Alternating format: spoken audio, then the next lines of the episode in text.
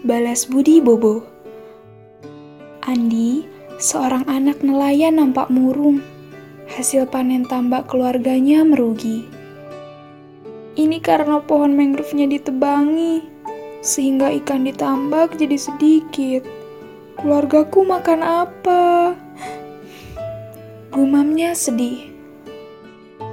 Bobo Bogem ikut sedih. Dia tahu Andi anak yang baik dan suka memelihara mangrove, tidak seperti anak-anak lain.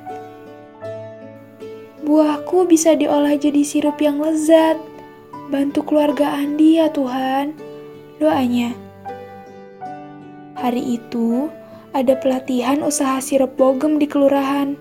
Keluarga Andi pun mengikutinya. Tiga tahun mereka menekuni usaha dan berhasil, sehingga menyejahterakan keluarga dan warga sekitar. Hmm, terima kasih Tuhan, kata Bobo senang. Nah, buat teman-teman Mangcil semua, cita-cita kita akan terwujud apabila kita terus tekun dan rajin belajar. Jangan lupa, mulai dari sekarang ya belajarnya.